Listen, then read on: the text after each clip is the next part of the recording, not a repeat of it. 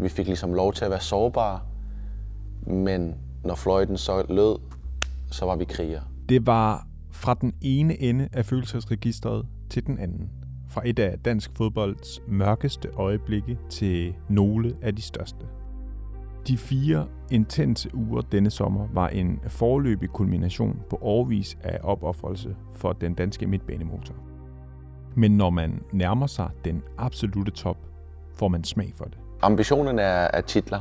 Ambitionen er titler som hold. Øh, det, det er ambitionerne. Både i klub og på landsholdet. Pierre Emil Højbjerg er nomineret til Årets Mandlige Fodboldspiller 2021. En pris, der uddeles af Spillerforeningen og DBU i samarbejde med Hesselheier. Vi mødte ham på Tottenhams træningsanlæg til en snak om fodboldåret 2021, der ikke overraskende kredser om sommerens EM-slutrunde. Du lytter til Spiller til Spiller. Mit navn er Michael her.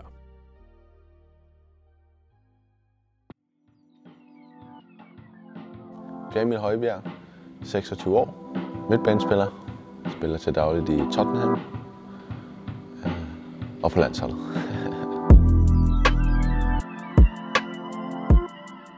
I 2013 og 2014 blev Pierre Emil Højbjerg kåret som årets mandlige talent. Og i år er han så for andet år i træk nomineret til prisen som årets mandlige fodboldspiller. Det glæder knap så overraskende Tottenham-spilleren, der dog godt ved, at individualheder først og fremmest står på ryggen af kollektiv succes. Ja, men altså, øh, uden kollektivet, så er der ikke nogen, øh, så er der ikke øh, nogen individuelle øh, heder overhovedet. Øh, men det er jo en bekræftelse af, at øh, man har gjort det godt, og, og, og man har bevist sit værd. Ikke? Øh, men det er jo ikke derfor, øh, det er vigtigt, selvfølgelig, eller vigtigt, det er øh, en fantastisk øh, ære at få lov til at blive, blive nomineret. Men det er ikke det, der det øh, vigtige, når jeg går på fodboldbanen. Det, der er det vigtige, når jeg går på fodboldbanen, det er at sørge for, at man, man gør alt, hvad der ligesom er i ens magt eller ens position til ligesom at forholde til at vinde. Ikke? Og det er jo ligesom det, der for mig er, er det vigtige. Det er ikke, øh, ja, det, det er ikke de individuelle priser. Det er ikke derfor, jeg spiller fodbold. Det er for at få succes med holdet og komme langt. Øh, eller vinde diverse turneringer og, og øh, kampe, man spiller. Og det er, det er øh, nummer et. Men øh, igen, den bekræftelse af, at man, man gør det godt, og man, man har været vigtig, øh, det lander selvfølgelig øh, et varmt sted. Ikke? Du har sikkert hørt det før. Det der med at lægge på og tage det næste skridt. Det er også det, Pierre Emil Højbjerg har fokus på. Jeg bad ham sætte ord på, hvad det for hans vedkommende egentlig vil sige. Ja, men jeg tror, det handler rigtig meget om at, at spidse til. Uh, her der uh, alt fra teknisk aspekt til, til fysisk aspekt til mentalt aspekt, og så hele den der pakke, hvor man hele tiden prøver at lægge på. Øh, også rent taktisk, hvor man ligesom kan blive ved med at få lov til at, at, at, at vokse som spiller. Øh, så får man måske en ny træner, som har en måde at se fodbolden på, og på den måde, så udvikler du også øh, et aspekt i dit, øh, i dit fodboldspil øh, på den måde. Øh, og så samtidig som sportsmand, det der med at blive ved med at tage mere ansvar. Og hvordan kan man tage mere ansvar? Øh, fokus på de rigtige ting. Ansvar øh, på de rigtige ting, eller rigtige områder. Alle de ting, så, hvor man som spiller, jo ældre man bliver, og jo mere defineret man bliver, jamen, så bliver man også mere opmærksom på, okay, hvor langt er det, det kan række, men også, hvor er det, jeg skal trykke de rigtige steder, for at det kan række til der, man gerne vil. Det der med, at man ligesom er bevidst om, okay, det her det er det, jeg kan, det er det her, jeg vil, og hvor er det, jeg ligesom kan skubbe til nogle parametre for ligesom at komme de steder hen. Og så kan det være, som jeg siger, det, det mentale aspekt, det fysiske aspekt, det måske, øh, og når når jeg siger det, det fysiske aspekt, så kan det være alt fra øh, timingen med at komme i boksen, du ved, kom med et eksempel, det der med, at man ligesom får, får de sidste 10 meter ind i benene, eller man ligesom får timet på den rigtige måde, at man ikke måske kommer og spørger på bolden i en position, som er lidt her, men man rykker 10 meter længere frem og lader situationen udvikle sig på siden, og så søger muligheden som eksempel. Eller man, man inden for det mentale aspekt, som jeg sagde, det der med ansvar, det der med lederskab, øh, men også hvor kan man ligesom tage ansvar og lederskab. Har du taget skridt der på det mentale? Ja, synes jeg. Øh, synes, at øh, ja, men du ved, når du spiller store kampe, store slutrunder, øh, når du får oplevelser, som ligesom er lidt ud over det sædvanlige, øh, så vokser du også som spiller. Øh, og EM-semifinalen i sommer, ikke? Øh, for et fyldt Wembley, øh, underdog, alle de ting, som man ligesom er, der skal du jo også have øh, en form for ryggrad for at kunne spille de kampe, og det viste holdet, det viste øh, jeg, det viste øh, trænerne, at, at vi alle sammen havde, ikke? og det, øh, det er jo noget, som får os til at vokse, ikke? og det er, jo, det er jo blandt andet de kampe og muligheder, man ligesom får for at, at, at tage de helt store skridt. EM-slutrunden og herrelandsholdets ryggrad er noget, som Pierre Emil Højbjerg har gjort sig en del tanker om. Også om den vindermentalitet, der hersker og med rette bliver talt op, men som ifølge Pierre Emil Højbjerg sagtens kan blive endnu mere fremtrædende. Men den del vender vi tilbage til senere i udsendelsen.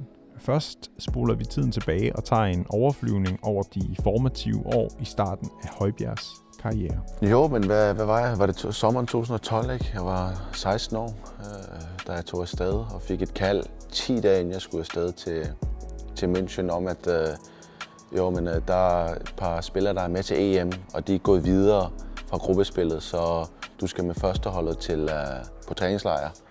Så de første øh, 10 dage havde jeg jo normalt været med U19-holdet, og ligesom startet hverdagen der, og så var vi taget afsted på træningslejr med U19-holdet.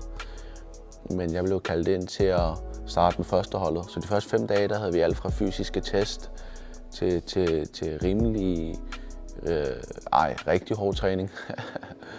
og øhm, ja, så, så otte dage afsted på træningslejr til Italien øh, i bjergene der. Og det øh, var jo selvfølgelig meget sådan lige på. Øh, og så kan jeg huske, så fik jeg, fik jeg hvad, anden halvleg eller noget andet halvleg mod Napoli der til sidst, ikke?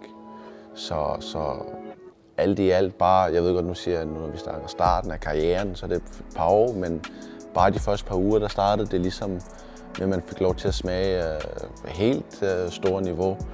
Og det fik jeg rigtig hurtigt smag for. Det fik jeg rigtig hurtigt øh, forståelse for os, hvad der skulle til, hvordan man ligesom trænede, hvordan man ligesom tog, tog vare på sig selv og sin krop, og hvordan man... Øh, alle de ting, som der ligesom indebar at være øh, seniorspiller. Og det, øh, det var noget, som, som også gjorde, at jeg rimelig hurtigt kunne adaptere mig tempoet, træningstempoet, hverdagen. Øh, og jeg, meningen var jo, at jeg skulle tage et år i skole, øh, men det blev skrottet rimelig hurtigt. Øh, forældrene var måske ikke så glade, men øh, jeg var ikke helt utilfreds øh, i forhold til, at jeg ligesom kunne få lov til at træne med førsteholdet hver morgen. Og så en gang imellem med, som øh, det, man kalder anholdet, men U23-holdet om eftermiddagen. Øh, så det var intenst, men meget, meget fedt. Og så efter 7-8 måneder, tror jeg, fik jeg så min førsteholdsdebut, ikke? og tog så rimelig fart, og så fik vi en dygtig træner der. I, øh, eller vi havde allerede en fantastisk træner, men fik så igen en, også en rigtig dygtig træner i, i Guardiola, hvor man også lærte rigtig meget, lærte en ny måde at se tingene på. Øh, men holdet var jo ekstremt, ekstremt dygtigt, og øh, det år jeg kom, der vandt holdet øh, alle tre turneringer, det treble.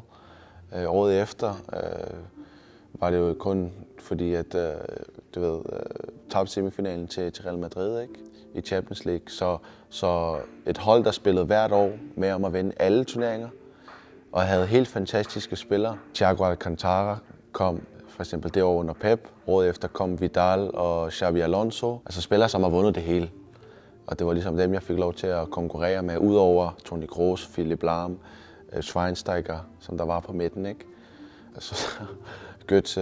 Så, så det var fantastiske spillere, man, man ligesom ikke kun trænede med, men også siger man, konkurrerede med. Det kunne godt på nogle tidspunkter være lidt øh, mentalt hårdt, eller lidt, øh, man følte, man løb mod en mur, fordi at, jamen, det var jo ikke fordi, at man havde måske udsigt til super meget førsteholdsfodbold. Øh, men man var jo et sted, hvor man elskede at være, som var super kompetitivt at, at være. Du hørte selv listen af konkurrenter, der stod mellem en ung Bjerg Emil Højbjerg og spilletid på et af verdens absolut bedste fodboldhold.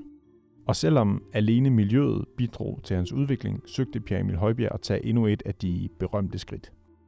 Hans fokus var på at få den rette kamprytme. Så tog jeg så valget og tog på lån øh, to steder i Augsburg og i Schalke. Det gav mig utrolig meget øh, ryggrad. Øh, også det der med at komme lidt væk fra den der øh, Bayern-verden, hvor alt er perfekt og alt er på, på allerøverste hylde. Ikke kun på banen, men også uden for banen. Prøv, prøv at se nogle flere på det. Hvorfor gav Ja, det men det er, jo, det er jo alt fra, øh, for eksempel, da jeg kom til Augsburg, der var der jo måske ikke, øh, nu godt, det lyder lidt, øh, nu siger jeg lidt øh, forkælet, men der var jo ikke morgenmad eller frokost på anlægget. Så det, efter træning kørte folk hen på en restaurant og, og spiste der sammen, eller når vi fløj med Bayern, fløj vi måske til kampene, fløj vi måske ved, med klubbens flyver, og med Augsburg, der fløj vi med rutefly, hvor der også var andre passagerer på, og sponsorer på, og så videre. Øhm, men det passede mig egentlig rigtig godt, fordi at det, var, det var jordnært, og det var et sted, hvor man ligesom også kunne få lov til at trække vejret, og være, nu siger jeg, lidt mere menneskelig, ikke?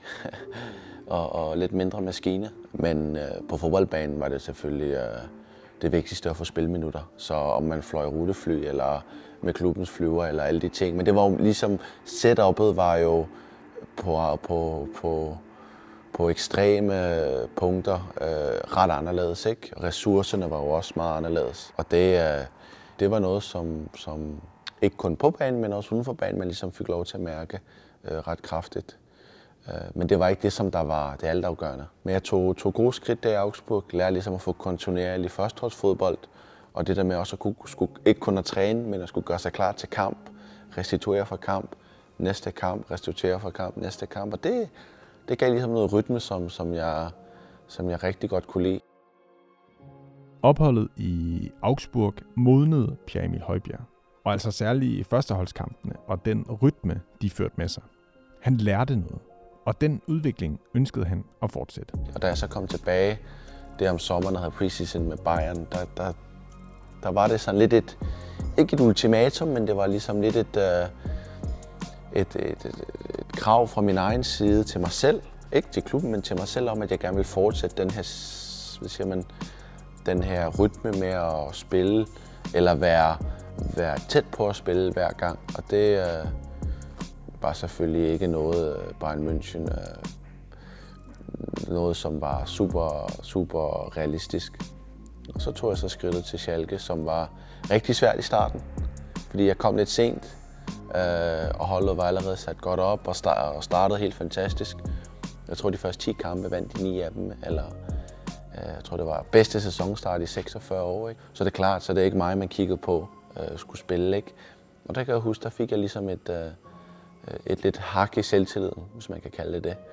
Men fik mig kæmpet fint tilbage, og jeg tror, jeg endte med at spille over 25 Bundesliga-kampe, og i alt øh, også med Europa League og med pokalkampe, tror jeg, jeg rundede over 30 førsteårskampe det år, som jo er, som jo er super sund for udviklingen, øh, når man er lige knap 20. Ikke? Da jeg så gik på ferie den sommer, der var jeg ret overbevist om, at okay, det var ikke i Bayern München, det skulle fortsætte. Og det, det gjorde det så heller ikke. Så fik jeg muligheden for at komme til Southampton, og jeg havde altid syntes, at Premier League var super attraktivt. Og så tog jeg det skridt, og set over fire år fik jeg lov til at udvikle mig helt fantastisk. Der var lige et bump, øh, øh, lige lidt over, øh, efter starten var der lige et bump, hvor, hvor jeg sad ude i et par, par måneder, ikke? men fik også overkommet det, og endte så med også halvandet år som anfører i klubben, og udviklede mig helt sindssygt meget også som, som spiller. Øh, øh, robusthed og det fysiske aspekt, og, og det der med at være en all-round spiller. Øh, og så fik jeg så muligheden for at komme til, til Tottenham her og fortsætte udviklingen og ligesom er, er et rigtig godt sted. Øh, så rent udviklingsmæssigt og rent spillemæssigt, jamen der har jeg, øh, synes jeg, altid taget gode skridt øh, øh, i mange år. Der var lidt bump på et tidspunkt, som jeg siger, hvor jeg ikke rigtig var involveret i klub og landshold. Øh, men det kom jeg rigtig fint over og lærte rigtig meget af og, og fandt hurtigt rytmen igen og røg op på en øh, endnu højere hylde og, ja, tingene, tingene fungerer. Og set over 8-9 år, jamen, så har det jo også gået, så har det også gået i den rigtige retning og været rigtig fedt. Pierre Emil Højbjergs udvikling har ført ham tilbage på øverste hylde. Tottenham er måske ikke Bayern München sportsligt, men faciliteterne står mål med den tyske gigants Dito. Det så vi ved selvsyn, da vi ankom til anlægget. Og selvom det bekom den hårdt arbejdende dansker godt at føre en lidt mere jordnær livsførelse i Augsburg, så er livet i en klub af Tottenhams kaliber med alt, hvad det indebærer, det, der passer ham bedst. Drømmen er var jo at en dag at få lov til at måle sig på det her niveau, øh, og ligesom at være med til at vinde de helt store ting, som var noget, man ligesom ikke bare håbede på, men forventede i Bayern München. Der er måske ikke de helt samme krav her i Tottenham, men det er jo stadig en kæmpe klub, fantastisk klub at være en del af, og det er, det er jo noget, som jeg nyder utrolig meget, men også øh, elsker det der pres, elsker det der forventningspres, øh, der er, og, og, og det er også noget, jeg synes skal være der, øh, fordi at det er det, der gør, at du ligesom bliver ved med at, at køre på, ikke? Og det, øh, du går på banen for én ting, og det, det er for at vinde. Og det er også sådan, jeg går på banen, og det, det, det, selvfølgelig handler det om at spille godt og have den rigtige udvikling i spillet, men for mig, du kan bedre arbejde med en sejr, og så tage skridtene derfra en, en nederlag. Du ved, sejre, det, det, det, det, det former en form for DNA, og det former en form for adfærd. Når du går på banen, jamen, så er der kun én ting, der er vigtigt, og det er at vinde. Og det er det, der er vigtigt for mig. Og det bringer os til den del, jeg teasede for tidligere i udsendelsen nemlig vindermentaliteten på herrelandsholdet, der ifølge Pierre Emil Højbjerg godt kan blive endnu stærkere. Jeg synes, landsholdet har en utrolig stærk karakter og har en helt fantastisk ryggrad. Mentalt, fysisk øh, og, og øh, karaktermæssigt. Og det er, det er også fordi, at vi vinder rigtig mange kampe, eller taber meget få kampe.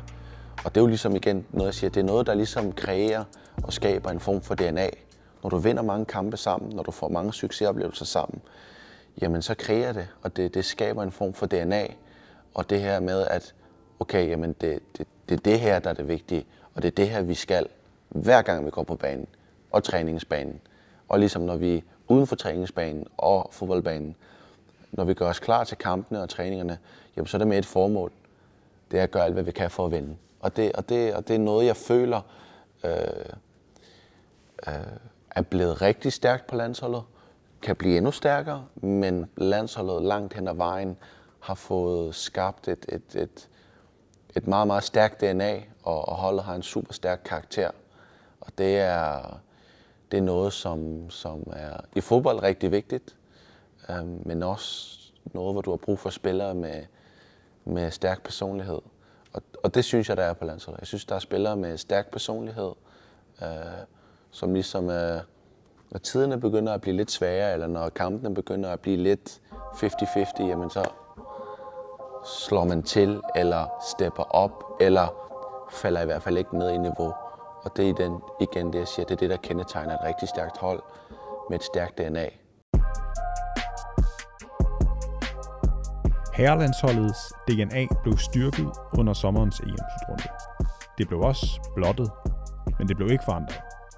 Holdet samlede nationen, og selvom han har det stramt med prædikatet folkehelt, så har Pierre Emil Højbjerg det godt med alt det, det bygger på. Noget af...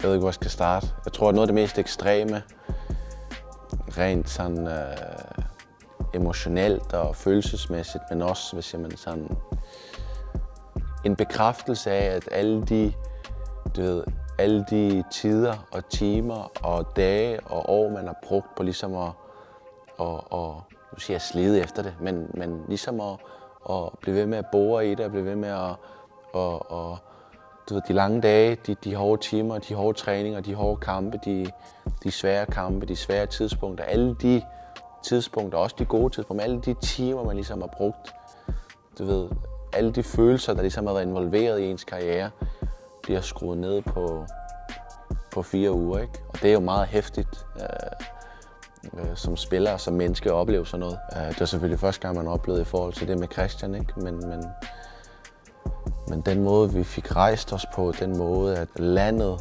ligesom fik rejst sig og kommet bag os på, og den hvad siger man, opbakning, vi fik, og den bekræftelse, vi fik, at det er det allerbedste siger jeg, job, vi har i hele verden. Øh, det, var, For mig var det den allerstørste bekræftelse, jeg nogensinde har haft i min karriere på, at det, jeg gør hver eneste dag, det er det allerbedste, jeg kunne gøre i mit liv. Hele landet fik lov til at smage og se og mærke, hvad for en DNA det danske A-landshold har. Og det er det, som jeg, som jeg er allermest stolt af. Det var, at for dem vi er, og de spillere vi er, det hold vi er, helt ind til knoglerne, helt rent menneskeligt og øh, nede på jorden, jamen det blev vi, nu siger, nu siger du folkeheld, det, det lidt svært for mig at bruge, men vi blev øh, accepteret og, og støttet for det, og fik en helt fantastisk opbakning for det. Og det er noget, som gør mig stolt, fordi vi ændrede ikke på nogen måde det, vi var. Vi var det måske bare endnu tydeligere og endnu mere sammen. Og det at, at blive bekræftet på den måde, at blive bakket op på den måde, det var igen noget, som, som jeg ikke har oplevet før i min karriere, og som, som jeg også siger, bekræfter alle de tidspunkter, hvor man er tvivlet, eller hvor man er op og ned, og også de gode tider på, at jamen, det, det er det her, det er det her, jeg gør det for. Det er det her, vi gør det for. Der kan ikke være tvivl om, at kampen mod Finland, hvor Christian Eriksen som bekendt faldt om, ikke skulle have været genoptaget, som den blev. Men efterfølgende, da Eriksen gudskelov var i bedring, skulle Pierre Emil Højbjerg og resten af holdet jo spille turneringen. Noget, der krævede noget helt ekstraordinært. Ja, men når man tænker tilbage, så, så, så spørger man også lidt sig selv, hvordan man ligesom selv kunne, kunne navigere i det. Ikke? Um, men jeg tror, jeg vil, jeg tror, jeg vil holdet og, og også teamet omkring holdet. Den måde, vi ligesom fik skabt det der med, at det skulle okay, at, at, at, at, at man ikke helt er okay. Eller det er okay, at man går og, og hænger lidt efter, men jeg skal nok være der, når det gælder. Du ved, den der accept, der var for hver personlighed, synes jeg var nøglen til, at vi fik alles personlighed frem på bedste vis. Og så den der support, der var fra landsholdet, fra medier, fra mennesker omkring. Det der med, at vi fik ligesom lov til at være sårbare, men når fløjten så lød, så var vi kriger.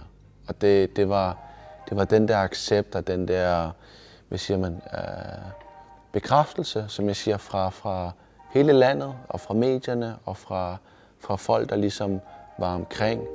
Men først og fremmest fra, fra os selv indenfra. At der var den, den, den, den opbakning omkring det, og den accept omkring det, det, det, det, det var måske nøglen til, at vi fik lov til at udfolde os på den måde.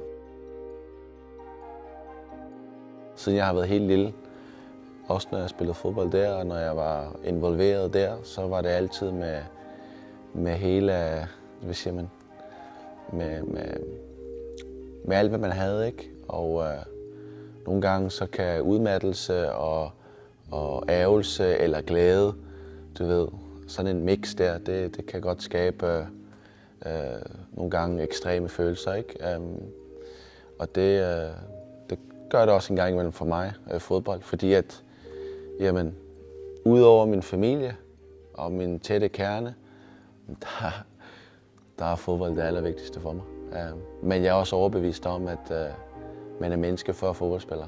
Hvis man ikke er sig selv som menneske, så er det svært at komme til udtryk som fodboldspiller. Og det, det er jeg selv meget bevidst om, øh, fordi at det er sådan, jeg tror og føler, at man ligesom øh, får det bedste ud af sig selv.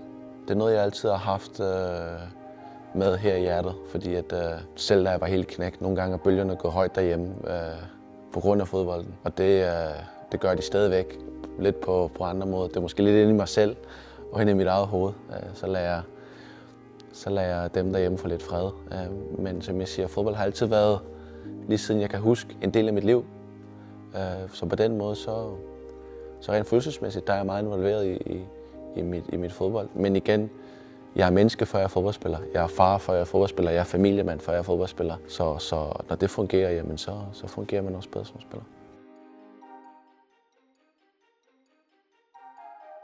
Du har lyttet til Spillerforeningens podcast. Tak fordi du lyttede med.